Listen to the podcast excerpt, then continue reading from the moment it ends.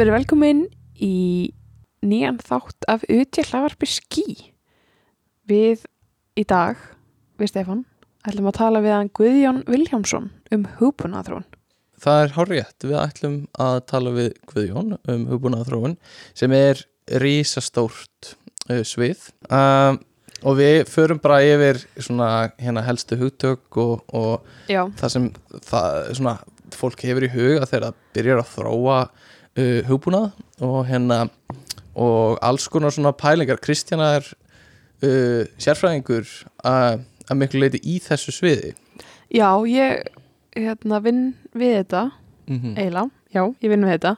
-hmm. og þetta er svona mjög góður staður til þess að ræða alls konar áskorunir sem maður er hvað sem er að díla við. Algjörlega. Og getur verið gott að horfa aðeins á það og pæla af hverju maður þú veist, af hverju erum við að þróa hugbúnað? Hvaða Mhm. aðferðum Mhm. er eftir að beita?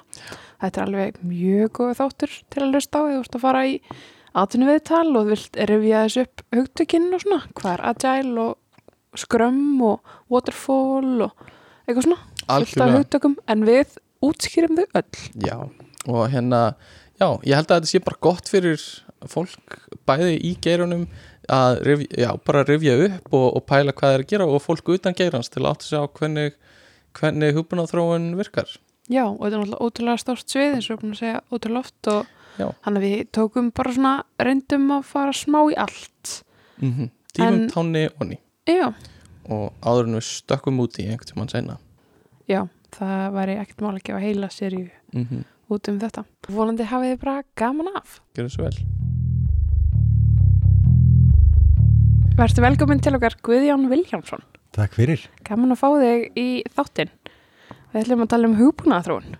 Já, heldur betur og ég leiði mér að, að, að draga það álöktum Kristina að þetta er þáttur sem þú ert búin að vera að býða lengi eftir að fá að tala um Já, langsins kem ég þáttanum mínum inn á dagskrá. Ég held að þessi seríu sé svolítið full af þáttum sem að ég hef haft áhuga á og langsins uh, fundið geggja viðmælendur. Ég vinn svo vel í viðmælendunum mm -hmm. og hérna handritunum.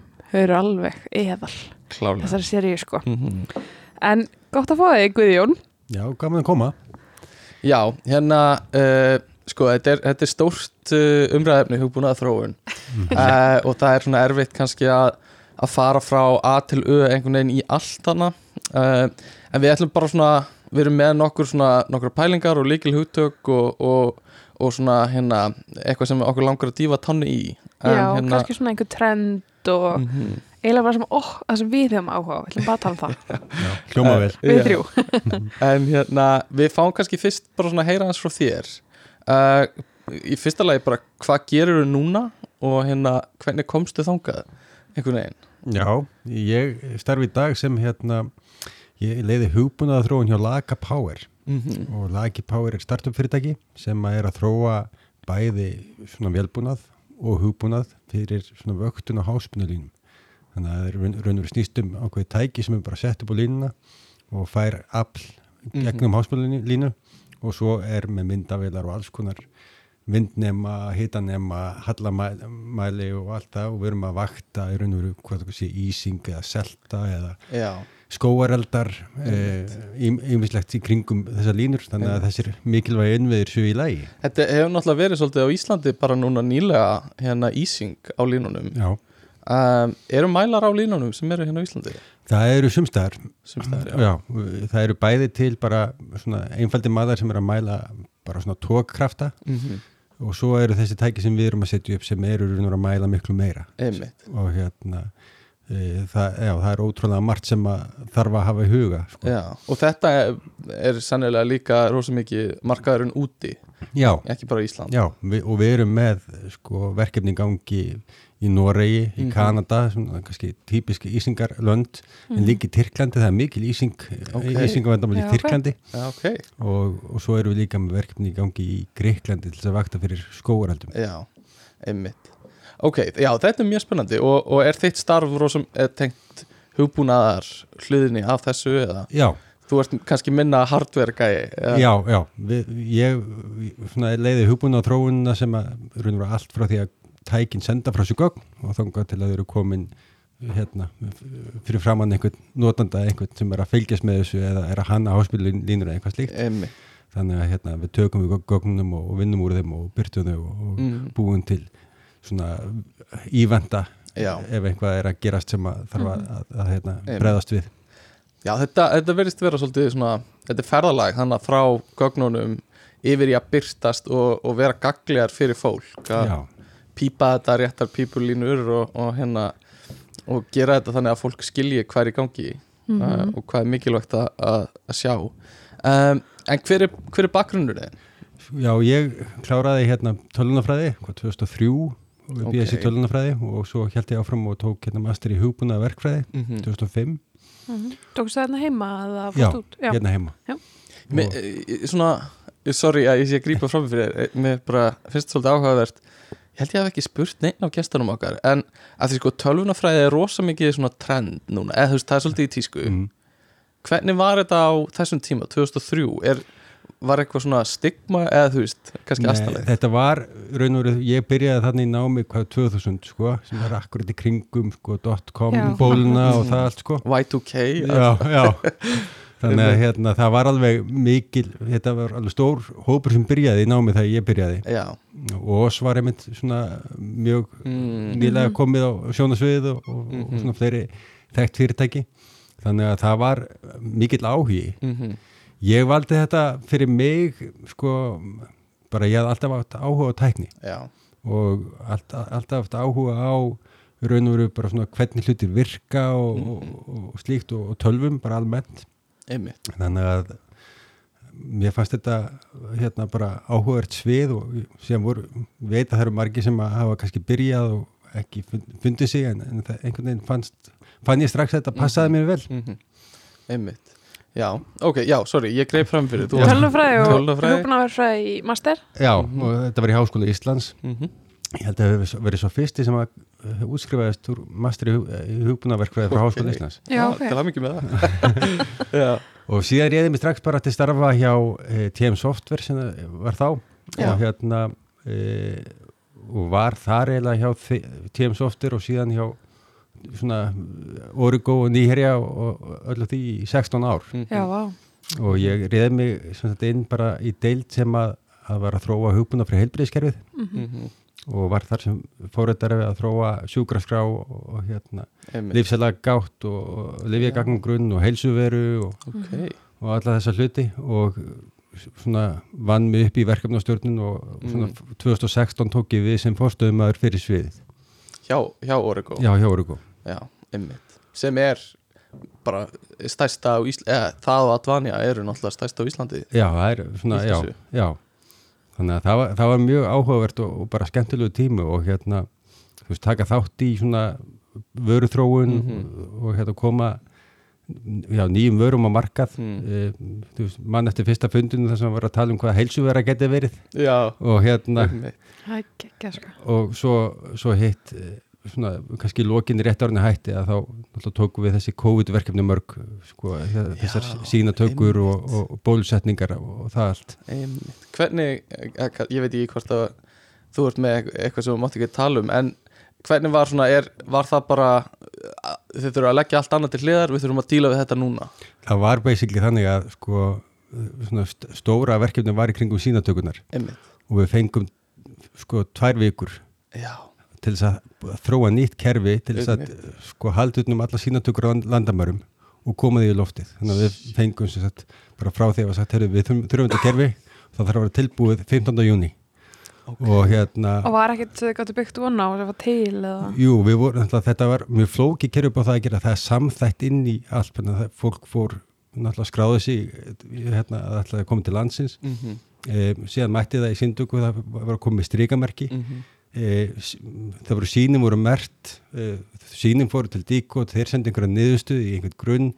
Ef, ef svarið var jákvætt þá fór hérna niðurstöðan til rækingateimisins og inn á COVID-göngudeldina og þú veist, þú, og, að, þetta er mjög sko flókið einmitt. ferðalag fyrir gögnin á bakvið sko. Algjörlega. Og hérna inn í mörg kerfi og þú veist, Mhm. það er haldið utanum tölur hjá sóttanleikna og fleira. Mhm. það, en mikið af þessum bakenda var til Mm. Ok, en frammyndin var eitthvað veist, og þe- þetta flæði allt var eitthvað sem þurfti að hanna Einmitt. á þessum tíma. Og sko í raun og veru var þetta bara við unnum 14 dag og 14 nætur já, við að komið sér loftið. Og hérna og, og þetta gekk allt bara smurt. Já, Já, og hérna þannig að það gert það sko? Ég man finnst- alltaf aldrei eftir einhverju veseni þarna sko. ekki í þessu sko. Nei, ég held að þetta hef aldrei verið flöskuhál sko og, já, og þetta var líka áhugavert sko að því við, við sleftum engu það var ekkert sjörkott, það var, við, við fórum í öryggisútekt á kerfinu Já, ok. fyrir áðurum fóru loftið, það var reynda kannski svona frekar svona, þú veist, ekki mjög djúb öryggisútekt en hún Mhm. fór fram síðar en það var, feng, fengu sérfræðingar frá Sindis bara til að koma og fara yfir erum við að Mhm. gera þetta rétt, er, eru gögnin mm vel varin og allt þetta? Það hljóma svolítið eins og bara hérna, framleyslan og bólefnunum Já. bara, það var, við fórum í allt, gerðum allt Já. en ég meina það var bara gert hraðar. Já, akkurat með meira fólki og meira pening. En, en það var líka þannig að þú veist, í þessum stóru fyrirtæki og órugu, þá getum við bara fengið reynslu mesta fólkið. Bara, Já, ok, akkurat. þeir eru komið hérna, við bara tókum ákveði rými, lokum því af og hérna bara, þau eru bara að vinna hérna, bara dælið inn mat bara og hérna, Bara yfirvinna á alla. Já, og Einmitt. þú veist, svo, svo var þessu bara að redda, sko, Já. Bara svo, vaktaskipti og svo hérna, við fórum, með- gerðum meira þess að notendaprónir. Já, já, ok, ymmið það er, Þetta notenda prófa á líka fullt eftir, margir notendur sem, þetta er svona Mm. auðveldur hópur að nálgast sko, Já, og þú að einhverju leiti þú veist, já, já, og við fengum líka til dæmis bara, hérna, þú veist, fólk frá Ísafja, hvernig gengur þetta varandi byðræðir Já. og Já. hvernig gengur þetta varandi Eh, sko að því að það voru einhverjir sko frá tólke, eða sko frá landamæravöslunni, þú veist, lauruglumenn þú veist, það voru rosalega margir hópar. Akkurat. Þetta er mjög áhugavert. Mér finnst mjög áhugavert líka að heyra frá svona þegar þú ferði gegnum ferlin og hérna á stuttum tíma og hvernig þú forgóðsraðar og eitthvað svona og hérna og við förum sennilega betur yfir þá eftir. Um, en hérna eitt, hvernig finnst þér nafnið Origo? Ég var með mikla ræðu um það einhverju fyrir þætti. Mér finnst nýherji svo fallegt orð. Og mér finnst svo leðilegt að sjá þetta fara í Origo Já, það, það sko sl- sló mig alltaf mjög vel sko, þetta var Mm. líka svona kúltúrmál. Já, vegna þess að þarna var búið að vera saman mjög mörg fyrirtæki. Já, og þá er oft svona betra bara að allir finni, ok, við erum komað fram undir nýju merki, heldur en maður sé að gangi inn í einhvern annan kúltúr sem maður var kannski aldrei hérna fullkona partur af.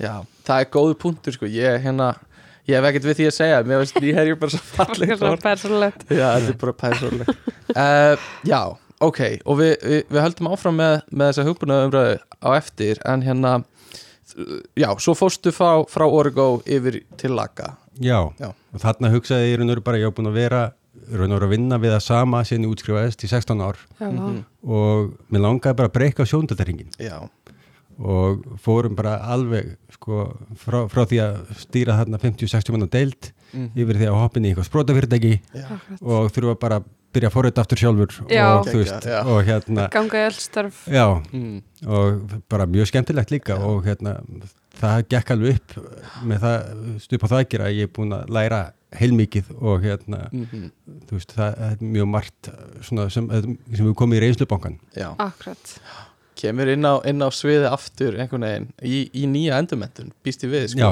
algjörlega að sko. hérna fá að kynast þessu aftur sko.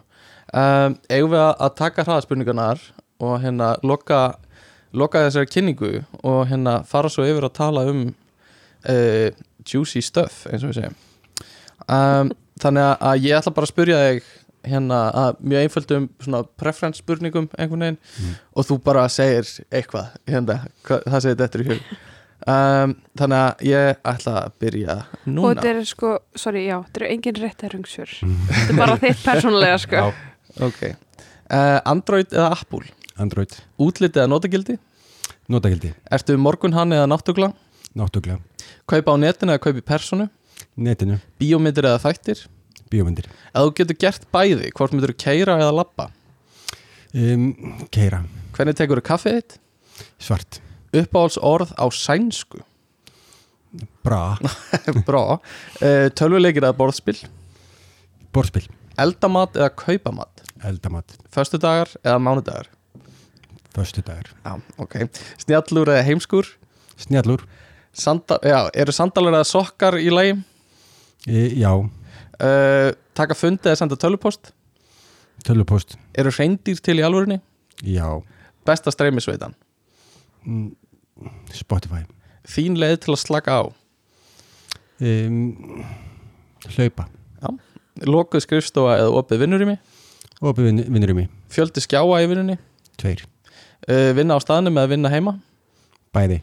Vinna bara fyrir hátti eða bara eftir hátti eftir hátægi uh, Ákveðin viltu gera sjátátt hvað sér Viltu sjátátt á einhvern?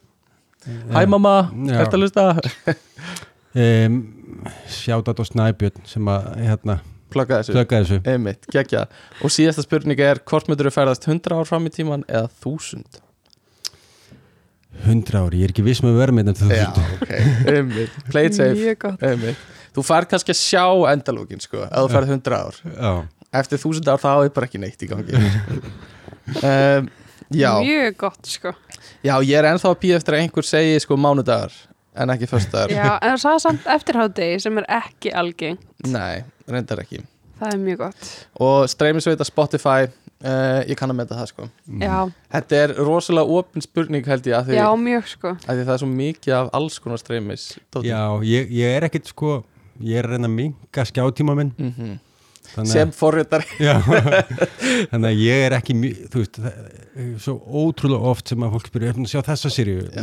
Nei, þessa sériu, nei, Mhm. þú veist, ef ég fótbrotna einhvern veginn á báðum, þá kannski sé, horfi ég á þetta. Ég skil ekki, einmitt Algjörlega Líka mjög gott að hlaupa alltaf slaka á Já, Það er ekki ekki já, og reyndar að, þú veist, um, að maður komið svona annað, eitthvað, mér finnst líka bara mjög gott að vinna með, einhvað með höndunum, ef ég þarf að mála eða Já, Já, gera eitthvað, akkurat. þú veist, svona, taka til hendinni heima, Mhm. þú veist, að hlu- hlusta á einhver gott podcast Já. og, og bara vera að vinna með eitthvað, þú veist, gera eitthvað með höndunum.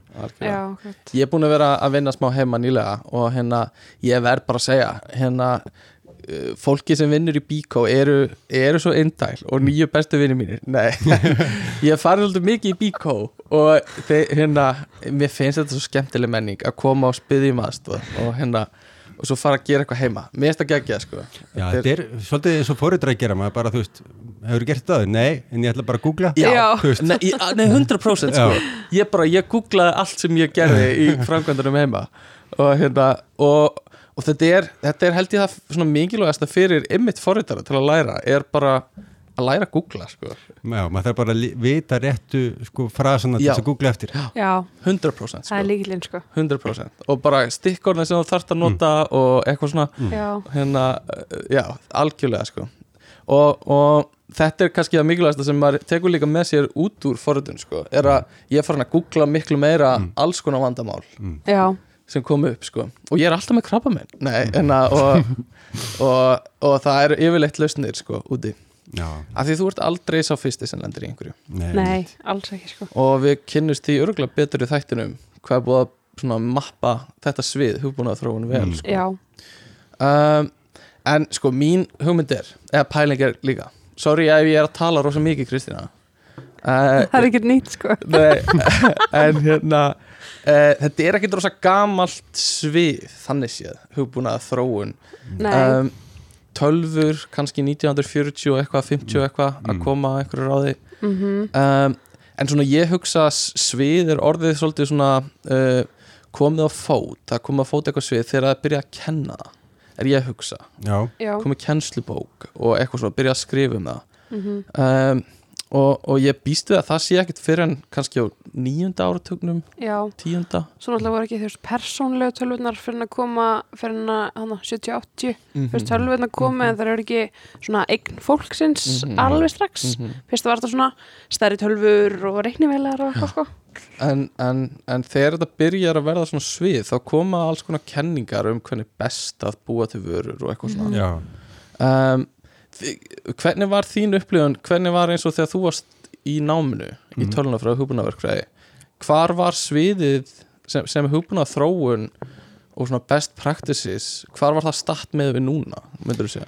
Það, um, kann- svo, já, ég, by- ég byrja námið hérna 2000 og þá, þá er þetta svolítið óþróskar upp á það að það er ekki eins mikið af svona stöðlum og þú veist, það er, já, veist, Microsoft svolítið réð hérna þessum viðskipta hugbúnaði heimi Mhm. öllum og, og, og raun og veru bara pjessu tölvu heiminum líka og já, þú veist, jú, það voru, þú veist, það var Unix og það var Linux til og þú veist, þetta var mikið notað í, svona enterprise heiminum. Já, en það hafði kannski ekki sko, Lin, Linux var ennþá frekar svona nýtt Algjörlega, og hérna þannig að þe- þetta var svolítið svona heimur sem Microsoft stjórnaði Já, upplýði ég og hérna og maður alltaf fór, fór að vinna og vinnust það sem, að, það sem var bara unni með Microsoft vörur. Já, en það sem að hefur síðan gerst er að þú veist, þetta er orðið miklu opnari staðlar, open source hugbúnar og miklu sko, meira ríkjandi og ráðandi heldur en, heldur en hérna var áður. Mhm, og, og þá líka þessi þróunatól og það var að GitHub og þú Já, veist, akkurat. Git bara,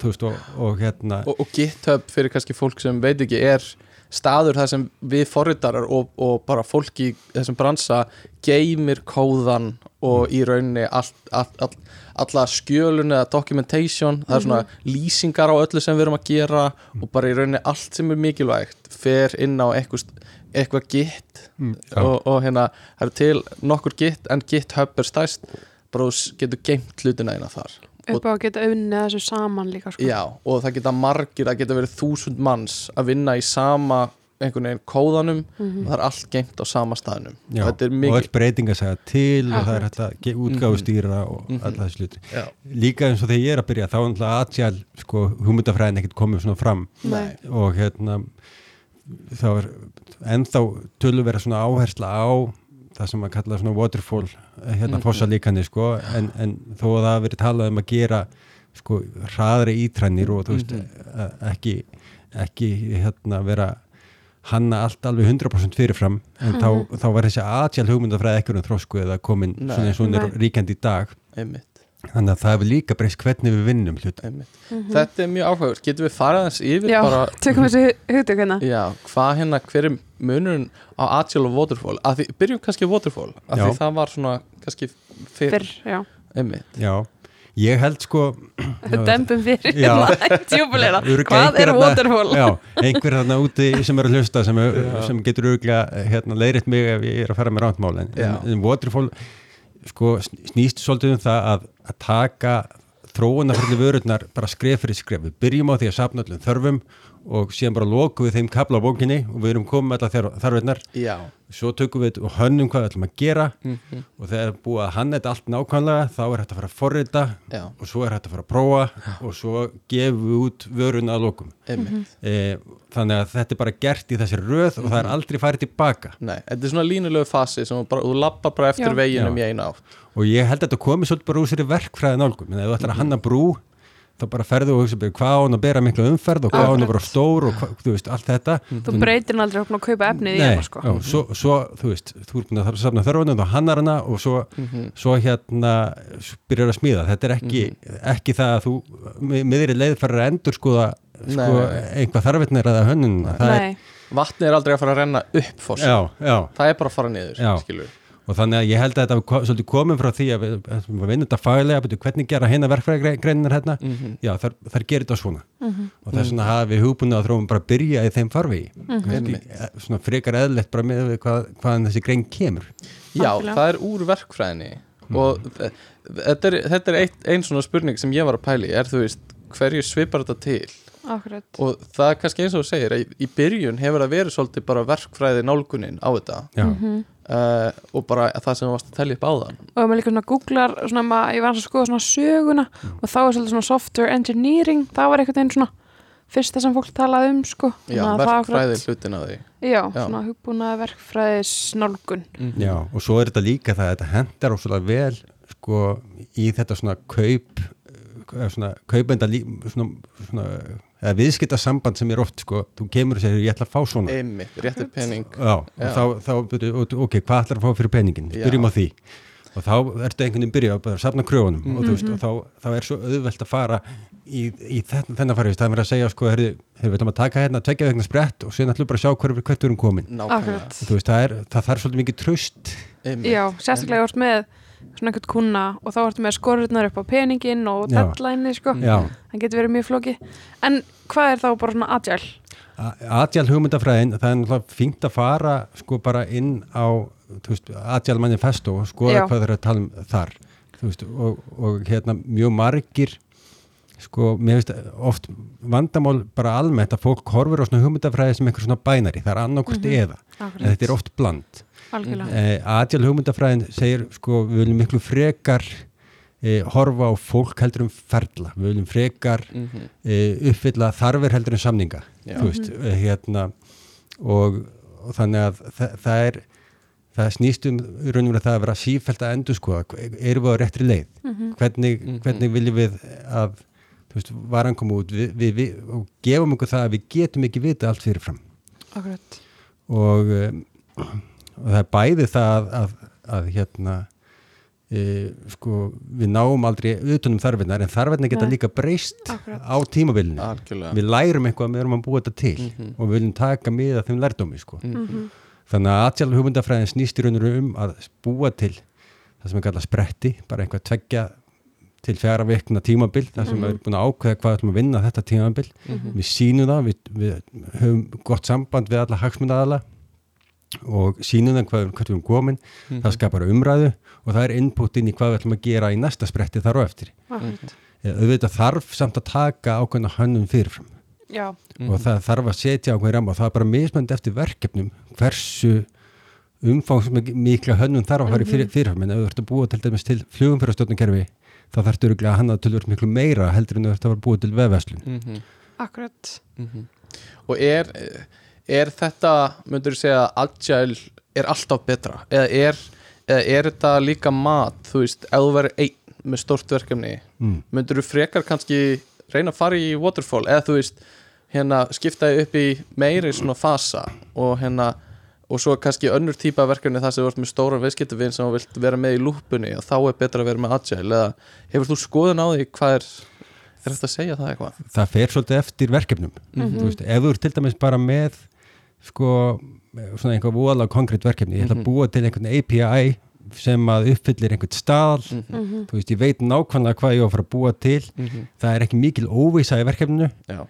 E, þá þá er kannski ágætt að gera þetta í, í svona fósálíkinu að allavega fækka eitrunum já, Mhm.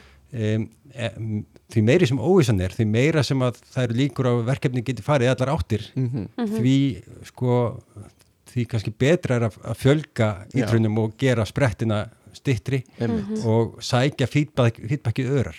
Já, já, ég held líka svona kannski helsta breytan sem er svona færi mann á milli er einhvern veginn skópið. Það er mjög vítt skóp Mhm. eða ekki. Það er svona, held ég að gefa manni meiri svona leið til þess að velja annarkvort frekar en að horfa á þú veist fólk eða peninga eða tíma. Mhm. ég held að svona hversu mikið og viðfemt hversu mikið þú veist líka um það sem átt að gera að það hefur líka já mikil áhrif sko gefur þér tækifæri til að miða aftur eftir hvern sprett, Já. sko, hvert þú ert að fara þannig sé eftir þú veist, eitt spretti agile já, gætir þú bara, herðu, þetta er umulegt förum allt aðra leið Mhm. já, Þú já. veist, það er svona kosturinn og þetta er svona já, þetta er líka, og galli á saman já, já. tíma sko að geta alveg pivotað já, þetta er líka svona fail fast aðferðafræði Akkurat. með það að ge- gera, ef þú ert á rángriðlega þá færðu strax feedbackið, nei, ég var ekki að meina þetta Já. eða, eða jafnvel, ég veit að ég sagði þetta en þegar ég sé þetta núna, Já. þá er ég eiginlega búin að skipta um skoðun þannig að hérna og svo er náttúrulega verkefni líka svolítið mi- mismundi út frá því bara hvernig sko þeim er startað, er þetta einhvað innhúsverkefni, er, einhver, er þetta innri þróun, Mhm. er þetta e, vöru þróun, er þetta sem sagt bara einhver vara sem einhver fyrirtæki er búið að, að, að hérna svona mót og ætlar að koma á markað? Mhm. er þetta útselt vinna? Mhm. það er, það er sko, og þetta hefur alltaf áhrif á það hvernig verkefni vinnst sko. já. Uh, sko, hérna af hverju er nöðsynlegt að hafa þetta sem heilt svið og heila fræðigrein? Uh, hvernig heldur að, að það að leysa verkefni að þú bara setur fimm forritara saman í herbyggi og segir gerið þið bara, gerið þið heimasíðu sem þarf að gera þetta og þeir hafa enga reynslu af semast, sviðinu með einhver svona agile og þessi hugtök og svona og ætla bara að ráðast í þetta. Og þú ert að setja fimm forritara sem er góður í að forrita já, saman í að þróa eitthvað. Já og, og, Ok. og, og hérna þú veist, hversu, hversu mikið er þess að þetta svið að gefa okkur í framleiðslu á vörum? Og er þetta orðið svolítið þroskað í dag þetta hugbúnaða sviði Ég, já, við erum alltaf að vera betra svona hugbúna sko, svona ferðlarinn að hugbúna þróunar eru að vera betri með tímanum. Mm -hmm. við erum öruglega langt eftir. Já, mm Mhm. og hérna, en við erum kannski aðeins, já, erum að vonda að læra aðeins með reynslunni. -hmm. e, af hverju ekki, sko já, af hverju að fara í allt þetta plan, að plana á þetta dót sko, maður þarf þess ekki. Maður, ef maður er að fara að gera verkefni sem er bara hobby eða einhvað svona exploratory mode bara, við ætlum bara að kynna okkur þessa tækni eða ætlum að prófa að nota, nota hérna, þetta forröndunumál eða eitthvað slíkt Já. þá bara, byrjaðu bara. Þú veist, leiktu þér. Leiðu er farin að lofa einhverjum að afhenda eitthvað. Já, og einhverjum að fara að borga fyrir eitthvað. Einmitt, þá vil fólk fá að vita veitu, hvað, er, hvað ertu að fara að afhenda mér? Einmitt. Og hver eru gæðin og, og svoleiðis hlutir og svo er það hitt sem að skiptir líka miklu máli. Og það er bara öryggi. Mhm. að sko hverjir eru kröfurnar varandi öryggi?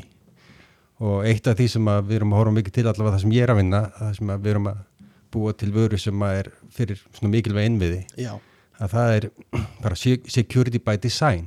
Mhm. þú byrjar á því að hugsa betur hvaða, þú veist, hvernig ætlum við að tryggja það sem að við erum að fara að afhenda sér örugt einmitt. Mhm.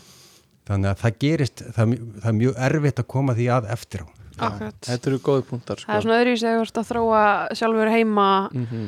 hvernig þú ert að reyta bjórana með félagunum þú veist, það er kannski ekki öryggið er ekki alveg Nei, nei, þar þeir eru kannski nekkert mikið að pælið að einhver myndi komast inn síðuna þína en Það er plattform sem ég hef búið til það lág svona vel Já, já, en, en þú veist, og það það er mikil ekkit munur á þessum afverðum sko. Já, og það, það er ekkit að því, þú veist, ef þetta er bara þannig verkefni að það er bara allt í lagi þó að feili Mhm. já, já, og þú, þú veist, og það sem þú eiginlega vilt bara fá útrýði að hafa lært einhvað akkurat þá er það bara fínt að bara Mhm. rjúka af stað en, en líka þitt er bara sko það er svo margir sem hafa farið af stað í að þróa einhvað sem var ekkit bara það sem að viðskiptinu vinnurum bað um Já, Já. einmitt ég hef líka alveg unni með fólki sem að vill svona kallaða kafbóta Mhm. sem að þú veist vilja bara taka verkefnið og síðan bara loka sig af og koma fram eftir þrjá mánuði bara að gjur svo vel já, og það er mjög stressandi sem verkefnastjóri eða eitthvað slíkt. Já, Jafnvel þó að þetta séu frábær forrættari sem að teku verkefnið akkurat.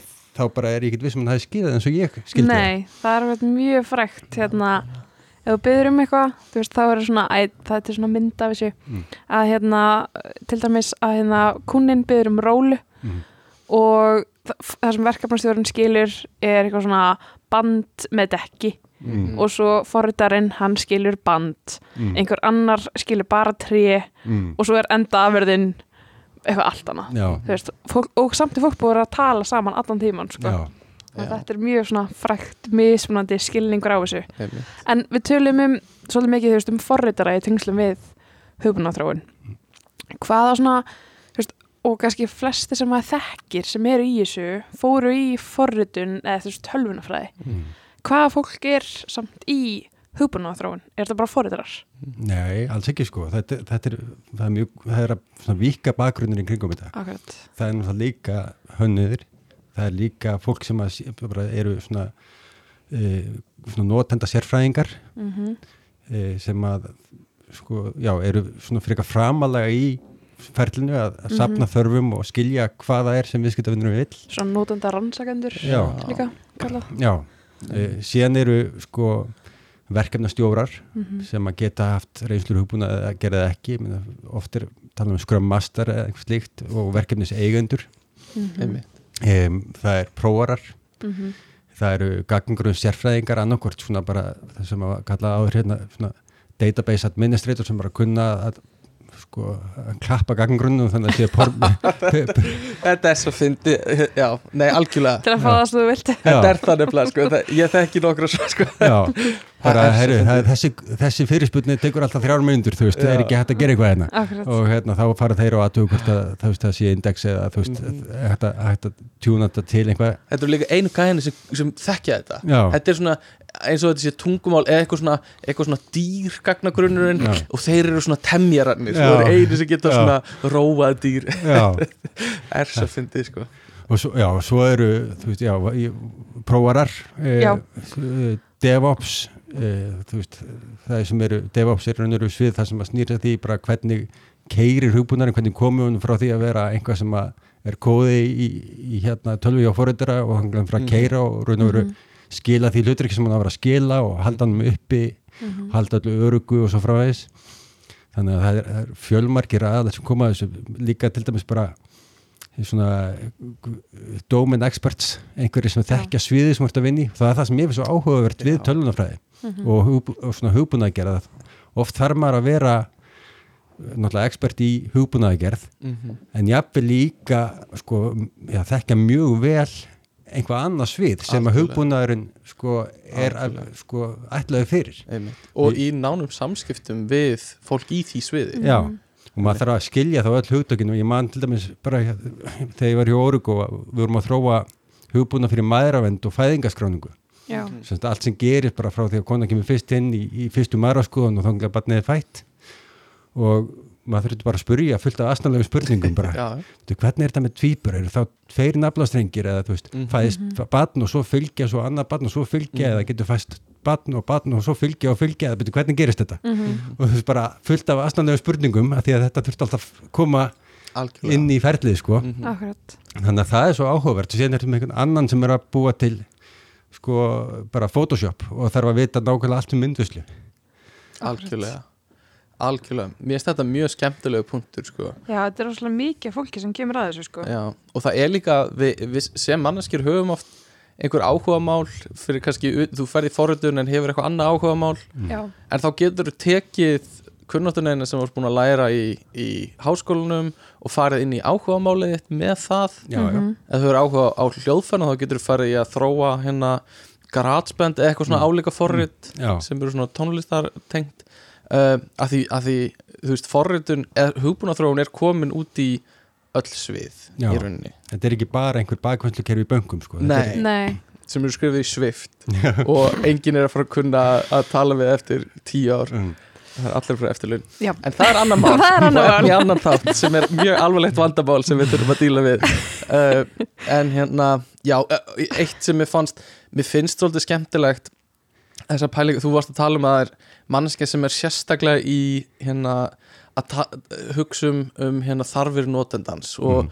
greina hvað viðskiptavinnurinn vill og við höfum verið að tala um þetta og hérna uh, er, það eru, er ekki einhver svona algeng vandamál eða svona pyrringar sem geta komið upp eins og bara að viðskiptavinnur hættir við á síðustu stundu eða, eða byður um eitthvað og þú kemur með nákvæmlega það sem hann byður um en hann vill eða, þú veist, þetta er ekki það sem hann vildi já, já, alveg, alveg oft sko og, það er líka annað sem er sko að fólk er ofta að reyna að sko tölvuvæða það ferli sem að þeir eru með gangi núna. Mm veist, ég vil taka þennan pappir Mhm. og ég vil setja hann í tölvuna. Já, þú veist, en það er oft mjög gott að súma meira, bara meira út og segja, Mhm. ok, hv- Akkurat. hvað ertu raunverulega að leysa? Já, uh, og oft sko er besta ferlið eitthvað allt öðruvísi. Og þá þarf líka ekki bara að búa til hugbúna, það þarf líka bara að breyta Mhm. öllu skipulagi Mhm. þar sem að fólk er að vinna. Einmitt. Og hérna einhvers konar þjónustu umbreyting. Mhm. Ha. já, einmitt. Og, og þetta, þetta sko þetta er kannski mest trikki það, það var, var ekki Henry Ford sem að spurður eða sagði sko, ef þið gert það sem að fólki baði mig um það er búið til hræskriðar hest. Já, að hérna að, Þetta er geggjur setning, ég byrja alltaf á þessa kynningum. Já, að hérna að, að það er sko uh, og þetta er líka ástæðan fyrir því að Steve Jobs ta- talaði um sko að hann væri ekki mikið að spyrja notendur sko um hvað þeir vildu Já, akkurat heldur miklu fyrir ykkur sko hvert Já. er vandamálið þá væri bara fleiri takkar Já. skilur, eitthvað Já, Já, það er mjög oft, ég hef alveg sko ótal sinnum fengið, sko, get ég fengið takka hérna sem gerir þetta. einmitt Það er bara, já, en af hverju viltu það? Akkurat. Og veist, og það er mögulega, þú veist, hægt að gera hlutinu bara allt öðruvísi. Mhm. Þú Já, veist, bara, og þú veist, notendanum órar ekkert hvað er hægt, sko, Já. eins og þarna með Henry Ford, fólk vissi ekki að vera hægt að fá bíl. Já, Einmitt. Þetta er, ég velti líka fyrir mér sko, hvert er hlutverk okkar, eða þess sem er að þróa lausnina, af hverju ekki bara segja já við viðskiptavinnin og bara, þú borgar mig, já, eða þú vilt borga mig fyrir að eða tveimu vikum með viðbót við að bæta við þessum takka uh, í staðin fyrir, þú veist, að, að þú segir, nei, við skulum gera þetta öðruvísi og ég einfalda þetta. Og hérna, í staðin fyrir að þú borgar mig fyrir að gera alls konar vinnu hingað og þangað, þá ætla ég að einfalda þetta og taka bara mánuði í að gera eitthvað sem annars hefði tekið sex mánuði Þetta er sjúklega flókið að managea þessu Já, fó- þa- fólki, það, sko. það getur verið það og þetta náttúrulega fer eftir hvernig verkefni er sett upp. Ef Akkurat. þetta er, ef, ef, ef þetta er vöruþróun sem að Mhm. sko, fyrirtæki eða þú ert að vinna í og þetta er vara sem að þið berið fulla ábyrð á, þá náttúrulega er ykkar hagur að hafa vöruna þannig um mikið sens. Þannig að hún sé raunverulega að, með, með einhverja, einhverja flæða, einhverja prósessa sem að eru að virka Mhm. ef þetta er útseld vinna þá er vissulega hægt bara að segja já við öllu nákvæmlega en þú veist, ég, ég sko, þekkilega dæmum hugbúnað það sem var sko, þetta var svona fyrir löngu síðan, bara 20 ár Mhm. að þá var svona, svona bókalskerfi það var búið, búið til svona möguleika búið til reikning Mhm. og svo var hægt að gera, búið til kreditreikning svo hægt að búa til einhvað sétt negatífur reikningur sem var ekki kreditreikningur Mhm.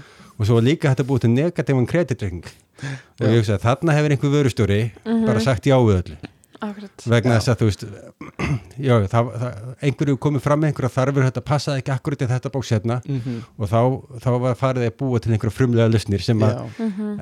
en, en ég myndi segja að sko mikilvægasta mikilvægasta eiginleiki svona vöru eiganda eða já, er að kunna segja nei Já.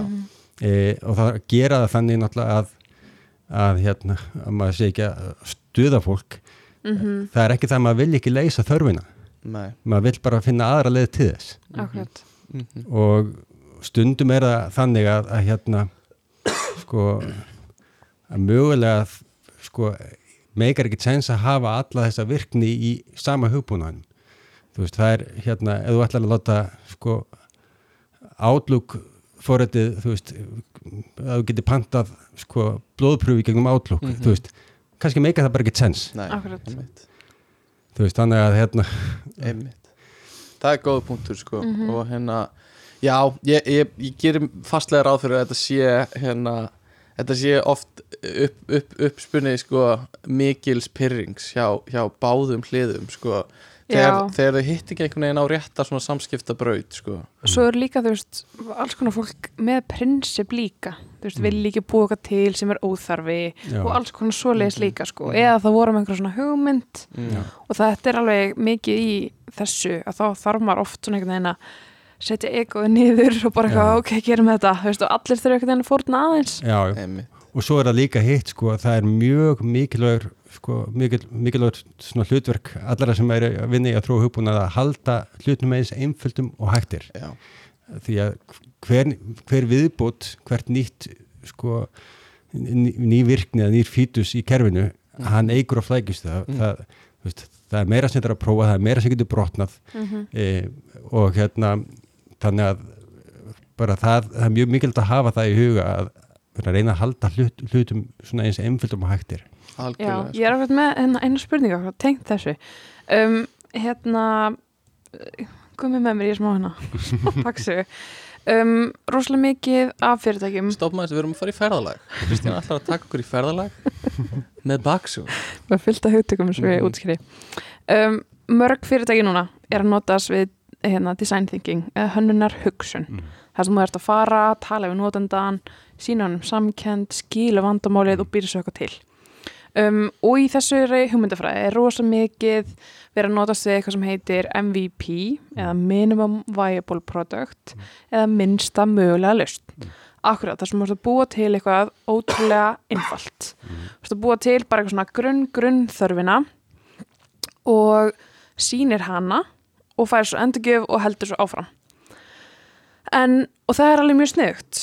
En svo getur þú líka lent í því að hérna, þú ert með hagsmunaðila sem að þurfa kannski að kingja því að þeirra virkni er ekki endilega í þessu MVP og eru svona svolítið hrættir um bara eitthvað ok, en hvað ef peningurinn síðan og tíminn bara klárast og ég fæ alltaf lausnina mína inn og þannig að þú veist, nú er ég svona aðeins að finna fyrir því og svona eitt sem var að vinna með mér var að ráðstöfnu úti og svona það sem við varum að tala um bara að við ætlum að hætta að nota MVP og frekar þurfum að tala við svona hagsmunnaðala að tala bara um útgafu 1, 2 og 3 mm.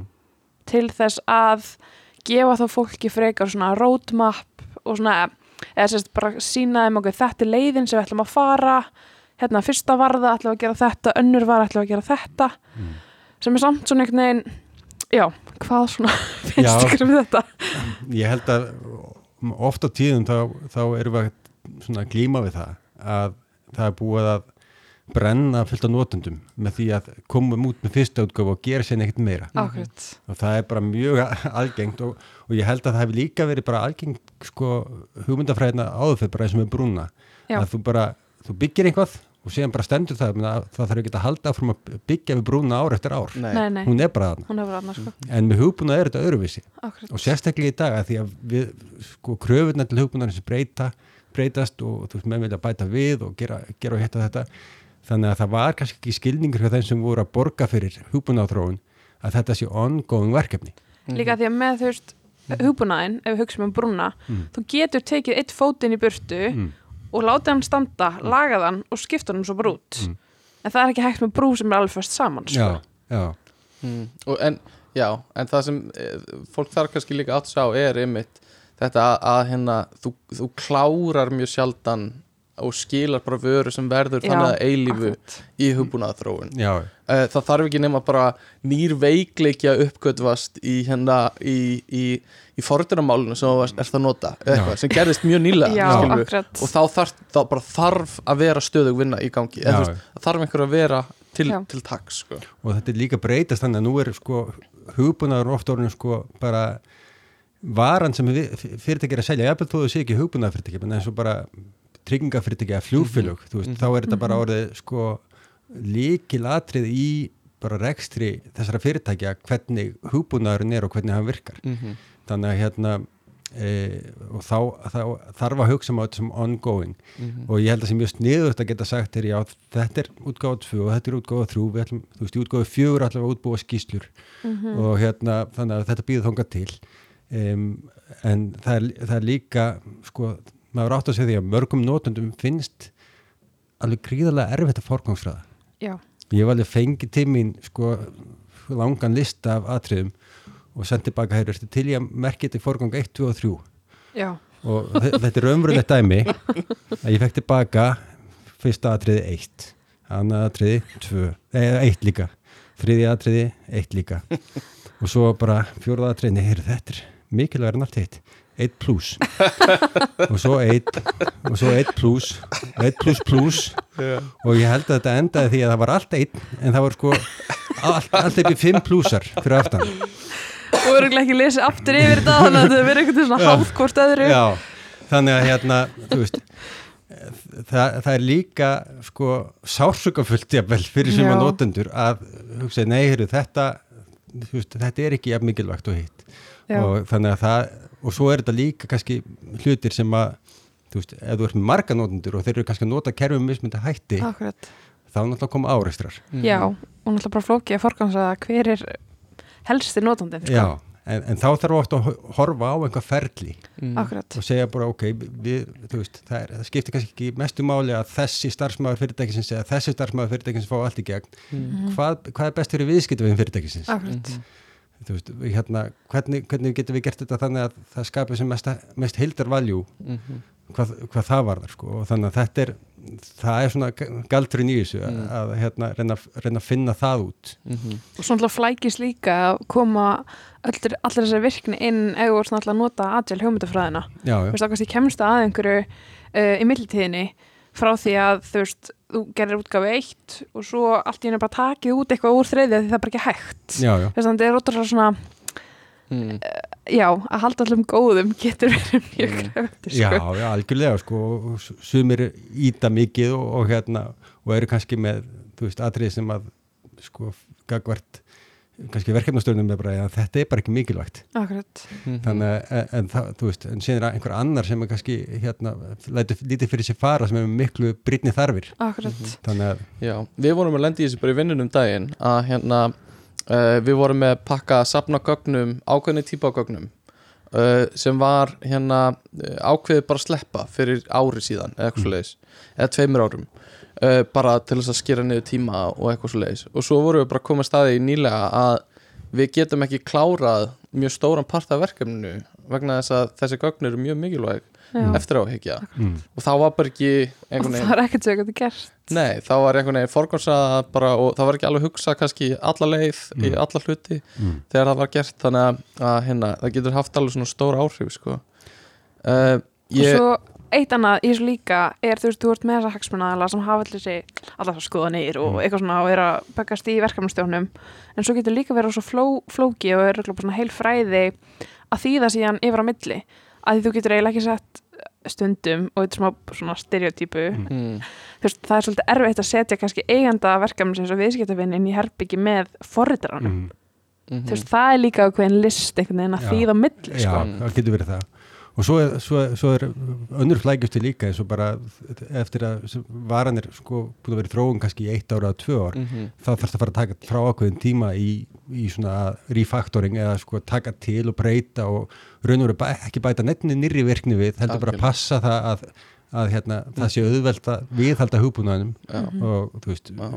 og svona, svona sinna þessum þessum non-functional requi- requirements eins og Mhm. bara að hraðin sé ástættanlegur, að Mhm. öryggi sé í lagi og þess, Einmitt. þessa hlutir sem að sko já það þarf svolítið, maður þarf að vera svolítið góður í útskýra fyrir bæði Einmitt. notundum og líka ekki sísta þeim sem borgar Mhm. að þetta sé sko nöðsynlegu hluti í hugbúnaðarþróuna að sinna þessu vel Af Einmitt. því það var uppfæra alls konar hluti eins og alls konar pakka sem þú byggir onna og eitthvað svoleiði sem já. að þróast Já. og geta valdið alls konar hluti og ennan að flækjustu líka það að þegar sko þú ert með notanda og þú ert með viðskiptavinn og viðskiptavinn er ótt að byggja um eitthvað sem að notandunum finnst ekki ekki hérna notandavænt Já. eða sko það er að setja jafnvel kröfu á herri, þú veist, er hægt að láta notandun alltaf gera þetta þegar hann er að skrá eitthvað? Eða, Já, veist, bara megum við geima hvar þau eru alltaf. Já, bara svona svona það sem Já. að þró, þú veist, forritaran er eitthvað svona byrju, ætlið að fylgjast með hvað fólk er? Þú veist, það er líka svona. Já, já og, og, og svona líka hlutir eins og sko ég teki dæmi úr, úr, úr maðuravendinni það, þegar við vorum að þróa það þá var hérna einhverju sem var að nota þessi gögn og segja já það verður rosalega gott að vita nákvæmlega hvenar konan hætti með barnað á brjósti.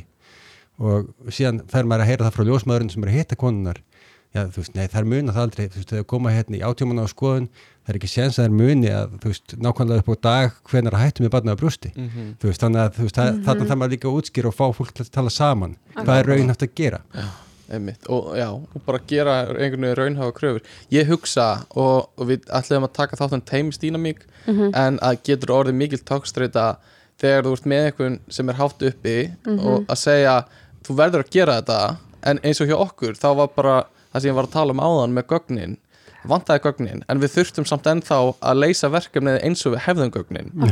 Og það var engin skilningur einhvern veginn á því bara, nei, við erum ekki með það sem, við erum ekki með sko timbrið til að byggja þennan timburkofa. Búið það bara til? Já, en þið þurfið að delivera einhvern veginn, Akkurat. en það var köttað það var ekki fjármagn til að kaupa timbrið mm. einhvern veginn, þannig að það getur orðið svona, uh, svona samskiptin getur orðið og svolítið skrítin og hérna væntingarnar líka. Já, vandamálinn geta verið bara svona mjög óskiljanleg bara Mhm. umhverfið þar sem við prófum hugbúnaðinni niðri Mm. bara við getum ekki sendið út. Já, já. Jú, en ég borga meira. Já, þetta liggur niðri. Já, þetta er bara ekki hægt. En Já. jú, ne- ég bara borga meira. Nei, það er ekki hægt. Já, já. eða þú veist það þarf að vera örgisútækt og þú veist að það er svo mikið af þú veist svona undanförum sem skipta máli. Já, já. þannig að þetta er ég vil, ég vil barn í næsta mánuði.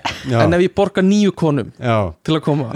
Já, Eh, það er bara sumt sem er ekki hægt að dekka sérkvæmt á sko. og Eh, hérna, eitt hérna og ég vona ég sé ekki að uh, nei að því við ætlaðum að tala um sko aðgengismál í- líka í þessari seríu mm, í öðrum þætti í öðrum Já. þætti, ekki í þessum þætti Þetta er heldur. ekki verið til fjóra tíma nei, nei, nei. en hérna mér finnst svolítið áhugavert og það er gott að kannski að fá þitt svona sjónarhón á það en hvar í forgangsröðunni þú veist, þú sérð aðgengi uh, fyrir þér uh, af því aðgengi getur líka verið mjög svona fjölbreytt, það er allt frá því hvernig litirnir á Mm. heimasíðunni eru upp í bara hérna, uh, hérna HTML-kóðin, hvernig hann er byggður upp já, upp og, og að klikka og, einmitt, og bara aðgengi með ráðræðinu skilríkjum og bara alls konar Mhm. um, hvort að þetta sé einhver hluti af hérna, því sem þú hefur þurft að díla við og, og hvernig aðgengi kemur inn í, inn í hjá þér og kannski Origo og eitthvað svona já það, sko, þegar ég byrjaði í þessum bransa þá var bara ekki talað um aðgangi og sen Nei. hefur það svona vaksið og maður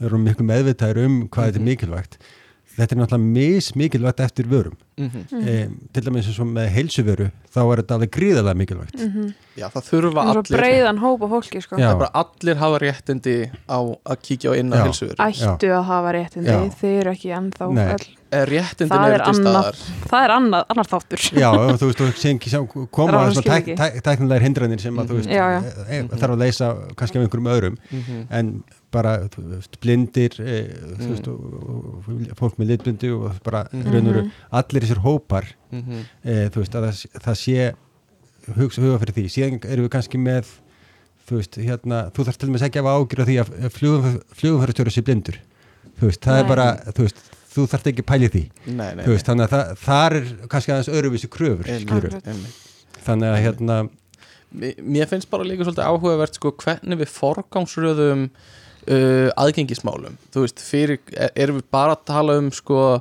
hver er fjölmennasti hópurinn eða, eða hvað er mesta effortið í að veist, fyrir hvern erum við að gera aðgengi eða er kostar tíu tíma að gera fyrir þennan hóp Mhm. en kannski fimm tíma fyrir þennan hóp en þau eru samt fámennari eða þú veist, það er einhver svona reikningar og náttúrulega standardar og örgulega líka þú veist að því að þú hefur verið hjá svona stóru fyrirtæki mm, og svo núna hjá nýsköpunni fyrirtæki já, Já, hvenar byrja nýsköpunarfyrirtækin að hugsa um Já, aðgengi hvenær er það vörðið? Hvenær er þess virði að ráða inn Mhm. copywriter eða UI mannesku versus að ekki bara geta búið eitthvað til? Mhm. já, já bara koma vöru út á markað Já, Já, sko eins og ég laga Power þá erum við ennþá sko að reyna að verifæja við sem er það sem kallar svona product market fit að við sem er vöru sem að, Mhm. veist, tilbúið til að selja þannig að við erum þá bara alveg ofur fókusuð á að hérna búa svo, á, á functionality Einmitt. að, veist, að, að við séum þá virkni sem, hægt já, já. á, og, og virkni til staðar sem fólk hefur áhuga á að kaupa Mhm. þegar við erum búin að sína fram á það þá getum við sagt ok, eru nú aðgengilega eða Mhm. þú veist, hérna, þú veist Ok. þá, þá er það næsta spurning eh, en svo ég kannski fara aftur eins og yfir á heilsuvöru Mhm. já, að því við vorum að vinna mikið í því eh, þá er mjög mikilvægt að til það er bara að hugsa út það þeir sem nota heilsuvöru mest eru þeir sem eru veikir veist, heil, það eru fullt af heilbriðu fólki kannski fyrir utan COVID sem bara þurft aldrei að fara inn á heilsuvöru já. og hérna en það eru oft, oft þeir sem eru langveikir Mhm. eða eiga lang börn eða eitthvað slíkt Mhm. sem þurfa að nota síðuna sem mest Já, og það er að leiðandi sko, hérna, mjög mikilvægt að, að þessi hlut sé í lagi þannig að það var allavega hugafæri þegar ég var þar og var að stýra þessari deild að, að, hérna, að við myndum reyna bara það sem við, allt sem við mögulega gætum til þess að gera þetta aðgengilegt fyrir Mhm. alla Mhm. Veist, og það, það voru fullt af sko, að- ótrúlega mikið af hugmyndavinni gangi, gangi varðandi rafran skilriki Mhm. hvernig er hægt að gera þetta þannig að sko, ég veit að eins og það var manneskið hjá helsingæslinu sem að sagði sko, ég veit hvernig, hver, hvert einasta langvægt barn verður 16 ára Mhm. vegna þess að þá bara ringt í mig fóreldrarnir, bara hvernig á ég að sinna barninu minn í dag Já, ekki að því að bara barnið dettur út úr aðgangunum hjá þér þegar það verður 16 já. ára sko. 16 ára, ok já, það er kynheilbreyðisaldur mm. Mhm. og hérna þannig að þú veist að það var og þarna kemur bara þú veist lögfræðileg mál betur, hvernig, hvernig er þetta búið til umboð og þú veist e, alls konar svona hluti og þannig að það er ekki bara, bara tæknileg sælis, það þarf að leysa þetta út frá fullt öðrum vinklum sko. Já, og oft svona eins og þegar maður er að prófa þá vil maður prófa svona jaðar já, málin, þú veist það sem er svona mjög ykt í Mhm. aðra hverja áttina, já, skilur já, já, en það sem er ofta erfitt fyrir fólki í hugbúnaðar geranum og ég held að þurfu bara meiri kennslu og þjálfun í því. Ég á mjög erfitt með að setja, með að setja mig í hluturk einhver sem hefur sko, er blindur eða hef- se, já, setja, já, ég, ge, ég geti áttamæði byrju, hvert, hvað er flókið í þessu? Hvað, þú veist, eða ég get búið til einhverja síðu sem ég tel að sé aðgengileg. Mhm. eh, en hérna, hún er það bara ekki Mhm. og þú- auðvitað eru sérfræðingar í þessu og það er hægt að kaupa þessa þjónustu Mhm. en það er bara mjög mikilvægt líka að allir séu meðvitaður um að því að, það, það er ekkert maður bara einhver viðmótsfóriður að hugsa, já, ég hendi þessu hérna bara upp þetta hlýtur að vera í lægi svona Já, þetta Algjörlega. já, ég ætla ekki að vera hói einhvern viðmótssérfræðing núna akkurat. Við, einmitt, vorum bara að tala um þetta Við byggum til, eða þráum hérna talgerfil Mm. þannig að síminn sé að tala og segja það sem er á skjánum mm. sem blindir og sjónskertir uh, uh, nota mikið Mm. og við heldum við væri með ágætna talgerfil og, og hérna settum hann út og, og hérna þá er eitthvað sem við hugsaðum ekki um er að þau mörg hlusta á tvöföldum eða þreföldum hraða eða þú veist, Já. mjög hratt Já. og þá kannski er röddin ekki þetta er ekki rödd sem er optimæsið fyrir það Já, en við höfum ekki hugsað að þau bara að því eins og við bara gerum þetta eins rætt og við getum þá eru þau bara að reyna að hlusta eins rætt og við geta og eru búin að, þú veist, bara einhvern veginn uh, operata þetta öðruvísi sko. já, já og það er náttúrulega rosalega gott að hérna, að geta átt í samtölum við fólk sem að eiga að nota þessu vöru sko. Mhm.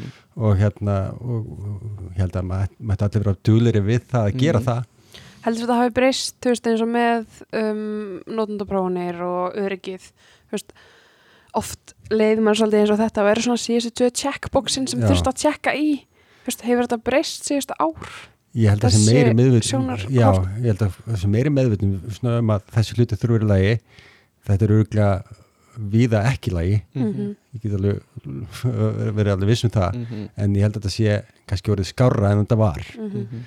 um, Já, ég held að þetta sé svolítið eins og öryggismál. Mm, já, að það er oft ekki lægi nei. en kannski vonandi að verða skára mm, einhver staðar. Og líka fólk er að fá kannski fleiri staði til að vera með rödd og tjá sig um það sko, þú veist, allir þessi hópar já, farnar að fá starra plattform en hérna, við erum svolítið svona alltaf að hopp, en mér finnst þessi oft vera svolítið að tala um veist, að því agile er rosa mikið í tísku veist, það er rosa mikið núna mm, og svona hugmyndafræðin agile, eh, hvað er þetta að vera kvikur Mhm. og íslensku, eða svo sveigjanlegur eða já, Kvik. þú veist, að vera kvikur um, og við nefndum á hann eitthvað sem heitir skrömmaster Mhm. og þú veist, í agile hugmyndafræðinni þá ertu með planning fundi, Mhm. þú ert með retro og þú ert með demo. Mm, Ég verð að segja að við hérna, þetta er smá inside joke hjá okkur er hvað hérna okkur skilst að ef þú ert með skrömmaster á fyrirlskrániðinni þá verður aldrei ráðin í, í starf.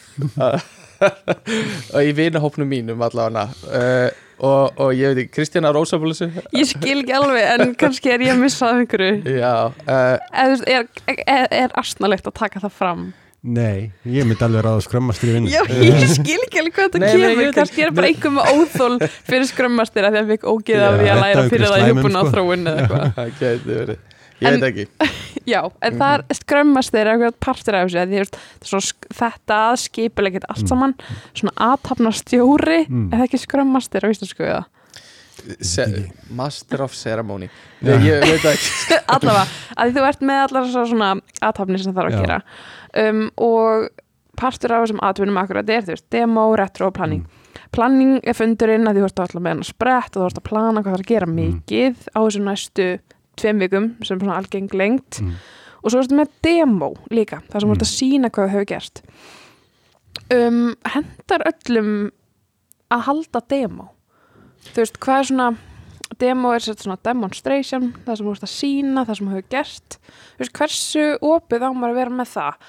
Að því eins og til dæmis ég er alltaf eitthvað svona forrast að tala um vinnu minni ég veit ekki okkur, en eins og hjá mér í vinnu minni þá erum við að vinna með þú veist, þjónustu með að hönnun, við erum að nota design thinking og bara eins og í fyrradag held ég demo og eina sem við gátum demoað var hversu mörg notenda viðtöl við höfum tekið og hvað við höfum bara, við gátum ekki eins og sett hvað við höfum lært heldur bara hvernig við gerðum notenda viðtöl Mm. og áskoranir sem við lendum í þar Mm. þú veist hvernig eins og þú veist Orgo þú veist, þar voru þið með lustnir sem náttúrulega snerta alla Mm. en demóin eru þú veist ég veit ekki alveg hvert, hvert ég er að fara með þetta en þú veist, þú getur verið með demo innan vinnustafsins sem Já. allir benefita af því. Svo getur verið með demo fyrir hagsmunaðila Mm. þú veist, hvernig er svona, fyrst er svona þessi demo menning? Ég er mjög hlindur svona demóum Já. og það er stundum svona, það er svona kannski góður sársöki kringum Já, demó af því að veist, þetta skapar ákveðna pressu. Akkurat, bara eftir tværi vikur, hvað ætla ég að sína ég ætla ekki að standa þarna og bara En það fyrir ekki eftir fyrir hverjum þú vorst að kynna eins og þú veist, ég get ekki kynnt neitt fyrir hagsmunaðalum Nei. en þá, hann vil bara laust já, en við erum eitthvað, við meðum ekki tala um lausnir við erum bara að skilja vandamálið. Já, já. En við getum sagt, sagt við tókum svona mörg viðtöl og tölum við þessa. Og þá er það kannski líka spurning sko, það, það, það er hægt að velja hvaða hagsmunar og, aðlum er búið á hver, hverju tíma ertu getum með tæknilega fólki eða business fólki já, en allavega þeir sem að þú veist vilja kannski ekki geta fylgst með frágangu verkefni sem það sé eitthvað að gerast Mhm. og það sé ekki komið út í skurð að hérna að, að það, við komum til fáið þá e- einhvað up, update vegna þess að það er líka síðan það næsta sem gerist er að ok, hvað ætlum við að gera næst sko? og þannig Mhm. að það, þá er gott að þetta samtal fari fram ég, ég er kannski svolítið svona degruð umhverfið hvað þetta verða með sko, það sem við erum að við erum bara í vöruþróun. Akkurat. Og hérna e, við erum ekki með viðskiptavini inn á demónum okkar. Mm e, við erum með kynninga fyrir þá svona sjálfstætt óhóða sprettum.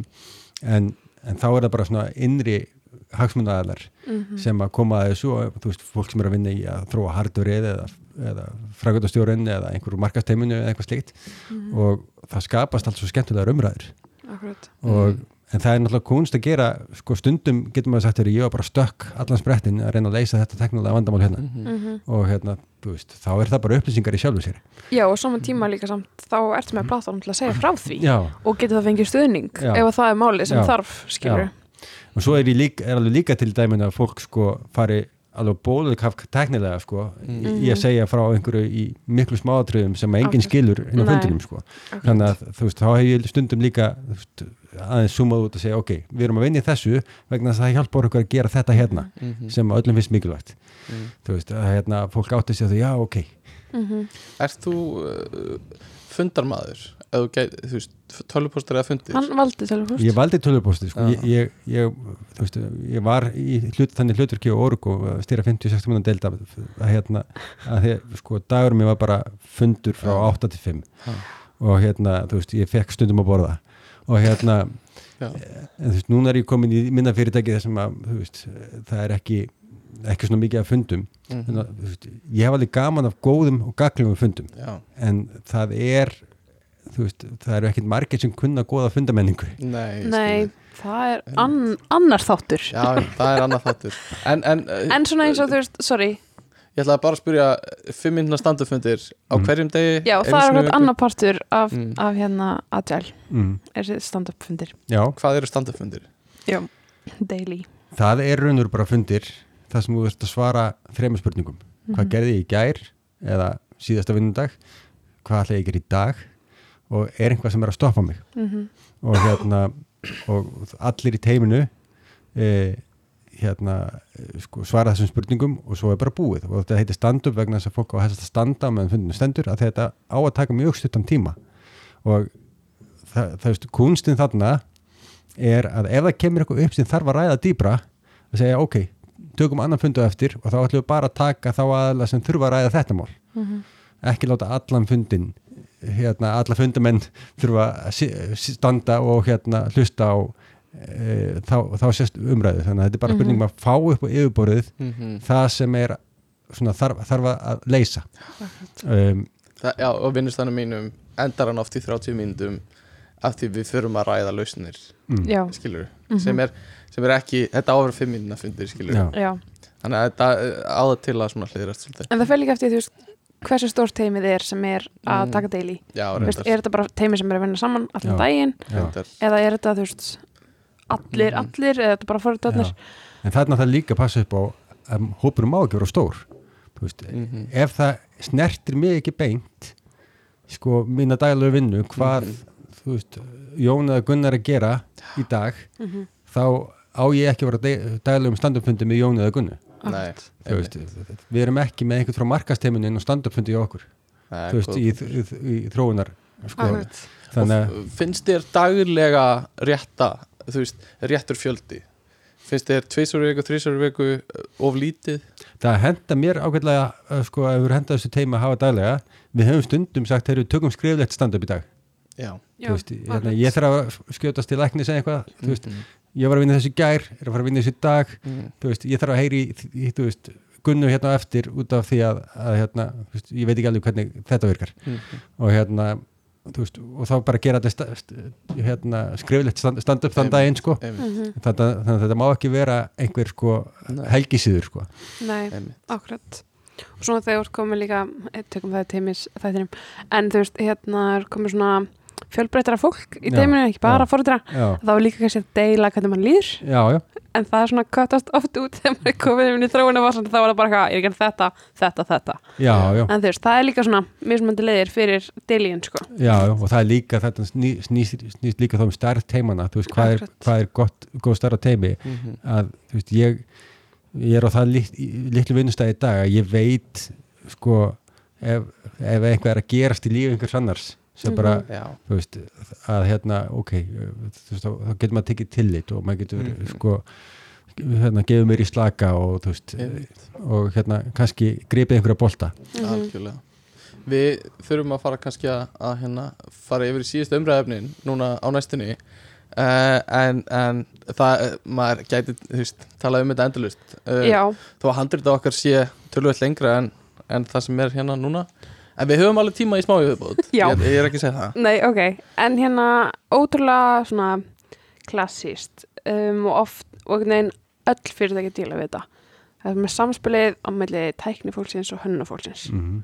Hver er svona þín reynsla af þessu sambandi á milli hönnuðar ef við tölum um hönnuð sem svona grafískan hönnuð, svona notenda viðmið, svona UI mm. hvað er UI? UI er notenda viðmót User Interface. User interface, já, Mm. ég var svo strax komin á íslenskuna sko, og svo user experience sem svona notenda upplifunin mm -hmm. og svo ertu með forritara, bakenda forritara þú veist, og hönnuðurinn vil gera eitthvað geggjatöf Mhm. sem tekur ókvæslega langan tíma. Og það er ekki til tími en kannski var það aðalkrafan. Þú veist, hvernig er svona, hefur þú hort á þessi sambönd vera Ég var þínum séð störfum. áreistra þarna sko. Og Já. hérna en kannski í þessu ef það koma upp veist, maður þarf að yfirlt að reyna að, svona, að taka fólkið út úr menginu í þessu segja ok, hérna aftur hórunótnandan Mhm. þú veist, og hérna segja og, e, veist, ef, ef það verið að byggja um eitthvað ge- geggjað hérna flott sko UI sem er bara það er ekki til enni standardkomponenta fyrir það er bara framöndaforritin þurft að fara að gera bara allt frá grunni Mhm. þá er þetta bara komið á borð verkefna eigandans er Já. þetta einhvað sem að þú veist, ætlum að nota tímun okkur svona þú veist, til að fjárfesta í já, þessari virkni. Já. Og, og, og þá, þá þarf maður líka sko, hérna, þú veist, að eiga það samtal og, og þú veist, þá, þá er það ekki forrættir en eða, eða, eða notendum og sérfræðingur sem tekur ákvörðina, þá er það svo, svo sem borga brúsan, Mhm. og hérna en þannig að það er spurning um það bara draga fram þú veist, hérna e, sko valkostina og mér finnst það líka mjög, oft mjög mikilvægt sko í þessu ég, meina, ég, held að þú veist ef notunda sérfræðingurum vill A og framöndafórunum vill B þá held ég að lausnin sé flestum tilfellum C Mhm. þar sem þetta er einhver mix Akkurat og hérna og, og það sem er mikilvægast í þessu er þá bara að fólk kunna tala saman Mhm. og fólk kunni að segja bara ok, þú veist, ástæðan fyrir því ég, ég er skeptiskur fyrir þessari hugmynd Mhm. er að þú veist, þetta verður aldrei til friðs, þetta, þú veist, það verður svo mikið af villum sem koma upp, þetta, þú veist þetta, virkar ekki cross-platform þú veist, og, alls svona svona hluti Cross-platform er þegar já, það er að það virkar á, á öllum tækjum, eða svona Mhm. Sími, spjaltölva, Já. fartölva Og Mac, já. Windows, Já. Linux þannig að hérna, fólk oft sko, þarf að fara veist, bara aðeins að dýbra og útskýra ekki bara að segja, nei þetta er ómöðulegt, þetta virkar aldrei. Mhm. heldur að segja, ok, ég, ég hef ágjörð því að þetta bara kom ekki nógu vel út í, í þú veist, á Android eða, Já, ég hef reynslaði að vinna sem bæði forritari og hönnuður á einu og sama verkefninu og það kom ógíslega bara var ljótt. Eh, Þannig að Já, voru, það aðla- voru samskiptavandamál? Á ég, var ég var að syngja í sjálfa mig og ég var alltaf upptekinn ég var að tali. Uh, Nei, já, þannig að, að Það það er alltaf vilja að gera vinnunum sína ósla vel. Já, Þú veist, og, maður vil fylgja okkur um stöðlum Mhm. maður vil að kóðin sinns eitthvað útlitið Mm. veist, alls konar. En líka fínt sko að treysta öðru fólki líka til Mhm. að gera sína vinnu vel Mm. í staðan fyrir að, að þú heldur að þú geti gert allt eða þú veist, Já, en það er okkur líka, þú veist, eins og ég ætla að fara með þetta aðeins annað ætla þú að klára hvað annað? Nei. eins og þú veist, í svona hönnun áöllu um, og það er oft svona einhverju konfliktar hvernig eitthvað að gera, getur myndast pyrringur eins og þú segir, bara Mm. eitthvað ætla að búa til eitthvað svakalegt sem er ekki Mm. til Mm. um, hendar öllum svona fyrirtækjum að vera með hönnunarkerfi þar sem er svona ákveði lúk veist, er það eitthvað sem virkar fyrir alla? þarna held ég að sé aftur svarið sko, þetta er ekki bænari Akkurat. þú veist, ég held að það sé Hver eru kostur og gallar hönnunarkerfis? Ef við tökum þá spurning. sko Hvað er hönnunarkerfi? Sorry. Já, uh, já, spurðu sjálfa Hönnunarkerfi er bara svona upp, eða svona það sem er búið að ákveða hvernig allt lítur út. Takkarnir eiga að vera svona. mm, þegar þú ítir á takkan þá lítur hann svona út, þú veist það er bara búið að Já. ákveða allt. Bara eins og Facebook og Spotify það er samræmt útlit Já. á allri síðunni. Þess að stendur alltaf 1. september ekki þú veist 1.09 eða þú veist það er búið ákveða allt lúk, það eru bæklingar og eitthvað svona sem Já. starfsfólk fær litir og eitthvað. Kostir hönnakerfa eru margir. Það er náttúrulega, þú veist, samrami það er, sko, við vorum að tala um aðgengismál áðan, Mhm. að þarna, þú veist, þarna ertu með kannski hönnakerfi sem er búið að taka út hvað uh, var þetta aðgengi.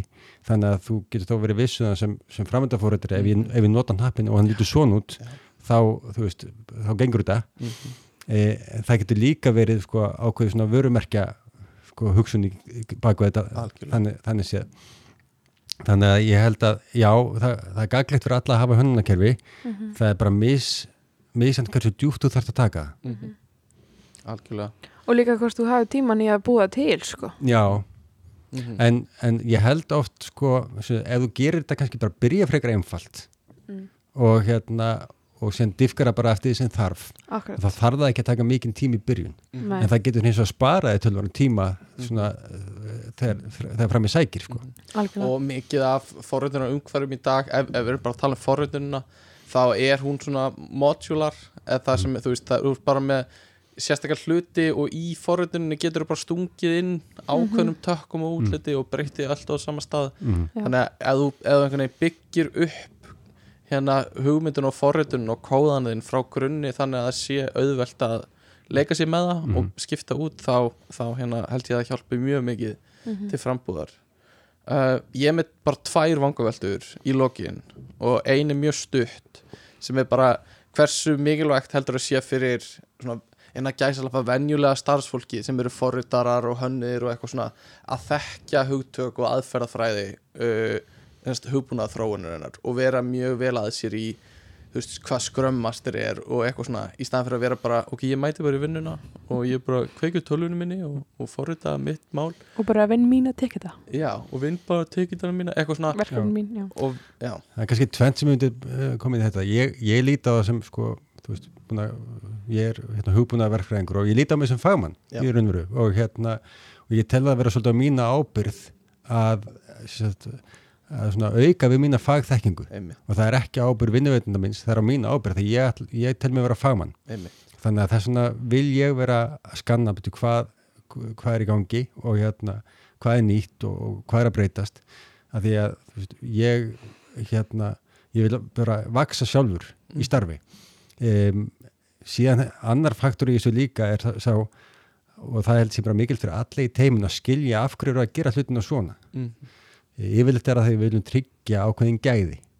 Og það var mjög mikilvægt að fólk átti að segja það af hverju e, þú veist, er flæðið svona í, í gegn Þú veist, af hverju er þessi að gera þetta og hinn að gera hitt. Ég held að það sé mikilvægt. Mhm. en, Annars ertu alltaf að hugsa, af hverju eru að láta mig hittast klukkan á 500 á hverjum degi Já. eitthvað svona? Já og fólk, upplifið það já, þetta er bara til þess að við náum fram ef það er einhver sem er að stoppa þannig að það sé ekki- einhver að spóla bara hérna í tvær vikur, einhver stjórn til hotni þú veist, þegar einhver annar í teiminu veit svarið við því sem hann er að, veist, glíma við sko.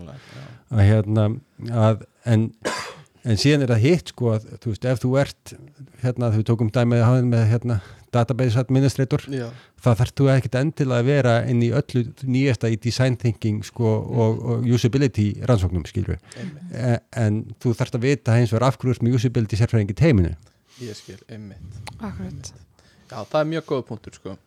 Uh, Ert þú með eitthvað í lokin eða að fara í síðustu bara, bara, já, já, kom átt hérna Bara já. til að loka þættinum uh, þá langaði mig að bara svona fara í hvert við höldum að þetta sé að fara á næstu árum, hvert að þú veist, þetta svið sé að þróast og þetta er svona spurning sem við ég, mér finnst þess að við spyrjum ofta að bara Já. hvert er þetta að fara á næstu árum og, og það sem, svona fyrsta sem ég dettur í hug er meiri sjálfvirkni í þróuninni Mhm. uh, við erum að sjá hluti eins og Copilot sem hérna uh, sem er, Copilot er það sem er semast gerfigreind í stuttumáli sem getur hjálpa forritur um að skrifa kóðan sinn. Mhm. þá geta ég bara beðið um skrifaði fyrir mig takka sem gerir þetta eða Mhm. leistu fyrir mig þetta vandamál hérna. Og þá skrifast kóðin fyrir þig eða hjálpar þér að skrifa kóðan þú færður ráðleggingar.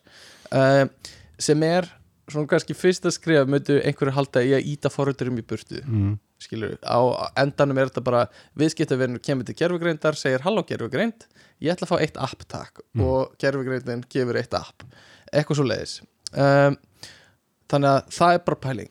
Er, er, er eitthvað meira sem þú vorst að sjá í framtíðinni í þessu, þessu sviði? Það er kannski svona tvö trend sem að ég myndi kannski vilja svona draga fram. Það er annars vegar þetta að, við höfum alltaf að tala um notendur sem svona, þú veist, fólk sem er að nota hugbúnaðan okkar. Mm -hmm. það er alltaf meira en það að það sé annar hugbúnaðar að nota hugbúnaðan okkar. Mm. og hérna að því við viljum tengja þetta tengt allt saman svona mm. forröðuna skil þannig að kannski svona, margir í dag sem eru að forröða hugbúnað það sem er engin sko, beitt notandi af áhugavert, einmitt. Og hérna þú veist að því að notandi er einhvers þar nokkrum hlekkjum í burtu frá þér. Já, ekki beina manneskja. já, Já, en þú veist en, þá þarfstu líka að hugsa ok, forröðarinn sem er að tala við forröðunarskilin hjá mér mm er manneskja og, og þá þarf forröðunarskilin hjá mér að vera e, skiljanleg og vel uppbyggð og, og vel skjöluð og allt það sko. Mhm. og það er náttúrulega hluti af þessu líka.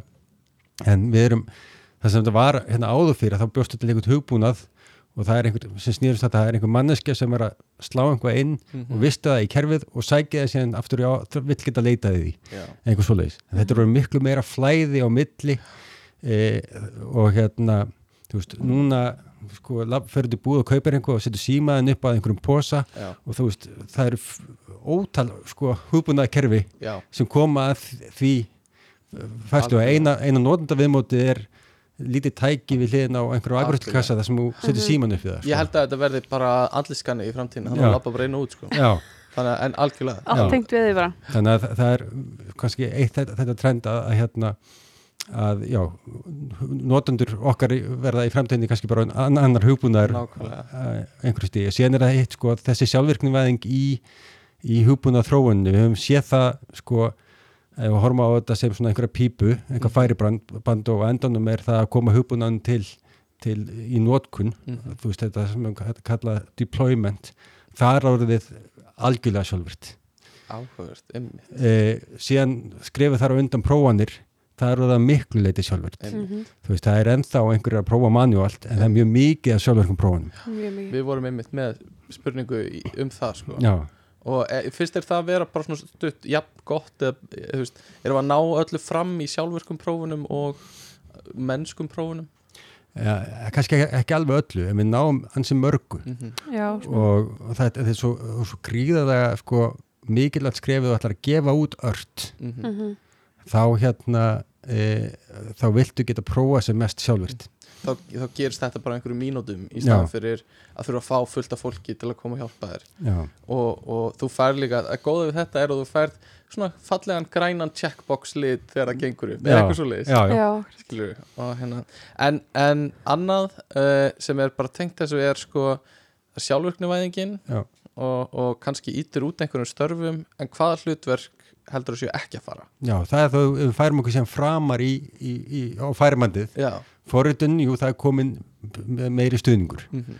e, þarfagreining það er eiginlega ekki sjálfvirt þú veist, Nei. og, og hönnun og þú, þú talið sérstaklega um arkitektúr þú veist, e, þú þart það er tölvur, sko það er það er að fá stuðning við það. Mhm. já, en ef þú ert að hanna hugbúnaðalust og bara hvernig skalast þetta upp og hvernig ætlum við að hafa öryggið og einhvað slíkt e, veist, þá er ennþá sko, þurfum við svolítið fólk í, Mhm. í það, þannig að ég horfa á þetta svolítið, svolítið þannig að í- eftir því sem færist lengra á færibandið, því meiri getur sjálfvegning orðið sko. Einmitt. hugsanlega eftir einhver tíma ég held að það verði ekki mjög fljótlega sem að, að við getum bara losnað við forriðra það er, Nei, veist, e, en, en við getum hugsanlega gert forriðarna afkasta meiri. Já, ég, ég, ég myndi algjörlega hugsa þetta þannig að því í rauninni grunnurinn hjá forriturum er bara samskipti við tölvuna Mm. og skrifa uh, skipanir eða uh, bara svona instructions fyrir Já. tölvuna. Já, þannig að, að þetta er í rauninni bara hérna, tæ, tól og tæki fyrir það í staðan fyrir að íta þeim út já, þá kannski færist vinna þér á, á hærra level eða þú veist, einu leveli fyrir ofan. Það sem það er að þú veist hvernig getum við nýtt tólið betur hvernig getum við tala við tólið já, til þess að já en það, þú veist að þú ákveður byrju, það er best að gera þetta í þessari röðu ég þarf að passa upp á þetta ég þarf að, Mhm. sko, að það er allt forriðra megin, sko, en það sem er kallað oft svona boilerplate code sem er Mhm. raunveru bara einhver, sko hvað, ég, jú, ég ætla að tala, þú veist, ég ætla að gera þetta en til þess að tala við þetta framework þarf ég að gera fullt af hlutum já, að, þú veist, það er þetta sjálfvirkni að það er miklu meira einmitt, einmitt Mhm. Já, ég held að já, ég Við held erum búin að að koma við að við sko. Algjörlega Við sko, náðum alveg að fara yfir flest allt sem að ég laði upp með allavega. Alveg klálega sko. Þannig að hérna, ég er mjög sáttur, mér finnst það mjög áhugaverður og skemmtilega þáttur sko. Já, við svona fórum inn á grunninn Já, aðeins svona. Mér bara segja að mér finnst líka mjög gaman sko að eftir ég fekk bóð að koma enga að þú veist að setja staðast niður og hugsa um þessa hluti af því maður Já. er oft bara í vinnu, maður er bara á, á hlaupa sko, að- á hjólinu hérna, hamstur hjólinu sko, að reyna bara að hérna, þú veist, klára verkefni sín sko, en, en stundum að bara stoppa og segja, af hverju, af hverju er þetta svona? Og Já. hvernig er best að gera hlutina og, þú getur hugsað um þetta sem retrospektiv já, og hérna og svo lítur tilbaka, lítur inn á við hvernig er þetta að gera betur? Uh, nei, algjörlega. Nei, ég held að það sé holdt fyrir alla. Og, og ég held að þetta sé líka bara gott fyrir alla í hérna fleiri starfsgreinum að pæla í þessu sko. Og hérna maður gleymist oft í hverstasleikanum og, og einhvern veginn í, í, í harkinu. Mm, og Mhm. hérna grændinu eins og við segjum. Mm. að hérna stoppa og, og pæla í, í því sem varst að gera í, í rauninni sko. Já, hvort getur eitthvað einfalt það? Einmitt. Um, en, en hérna annars held ég að við segjum bara sko takk kærlega fyrir að koma og hérna Já. deila reynsluðinni með okkur og hlustendum og, og hérna þökkum hlustendun alltaf fyrir að hlusta held ég. Um, er eitthvað sem þú vilt bæta við? Við viljum ekki, ég vil ekki kvötta á þig bara nei, bara hérna haldið að frum að forvitin bara, Mm. þú veist, þetta er, þetta er ótrúlega skemmtilegt starfsveið og þetta er skemmtilegu tími sem við erum að upplifa, það er raun og veru allir, sko, allir starfsvettfungar bara sem eru farin að upp, uppgötu það, við getum ekki gert vinnun okkur aðeins af að hugbúnað, Mhm. þannig að það er bara, þetta er mjög skemmtilegt svið að vinni. nákvæmlega Já, maður getur unn- unnið í þessu held ég endalaust Já. Heldur maður sé ekki fara að vera úrældur strax. Nei ekki alveg strax, það er eftir 30 ár en ekki alveg strax. Þannig að allt er góð með það. En Eh, mjög góður, ekki að hægt að vera forvitin. Já, uh, og ég held að við segjum að þetta sé bara loka orðin í dag og, og takk fyrir að hlusta. Takk. Takk.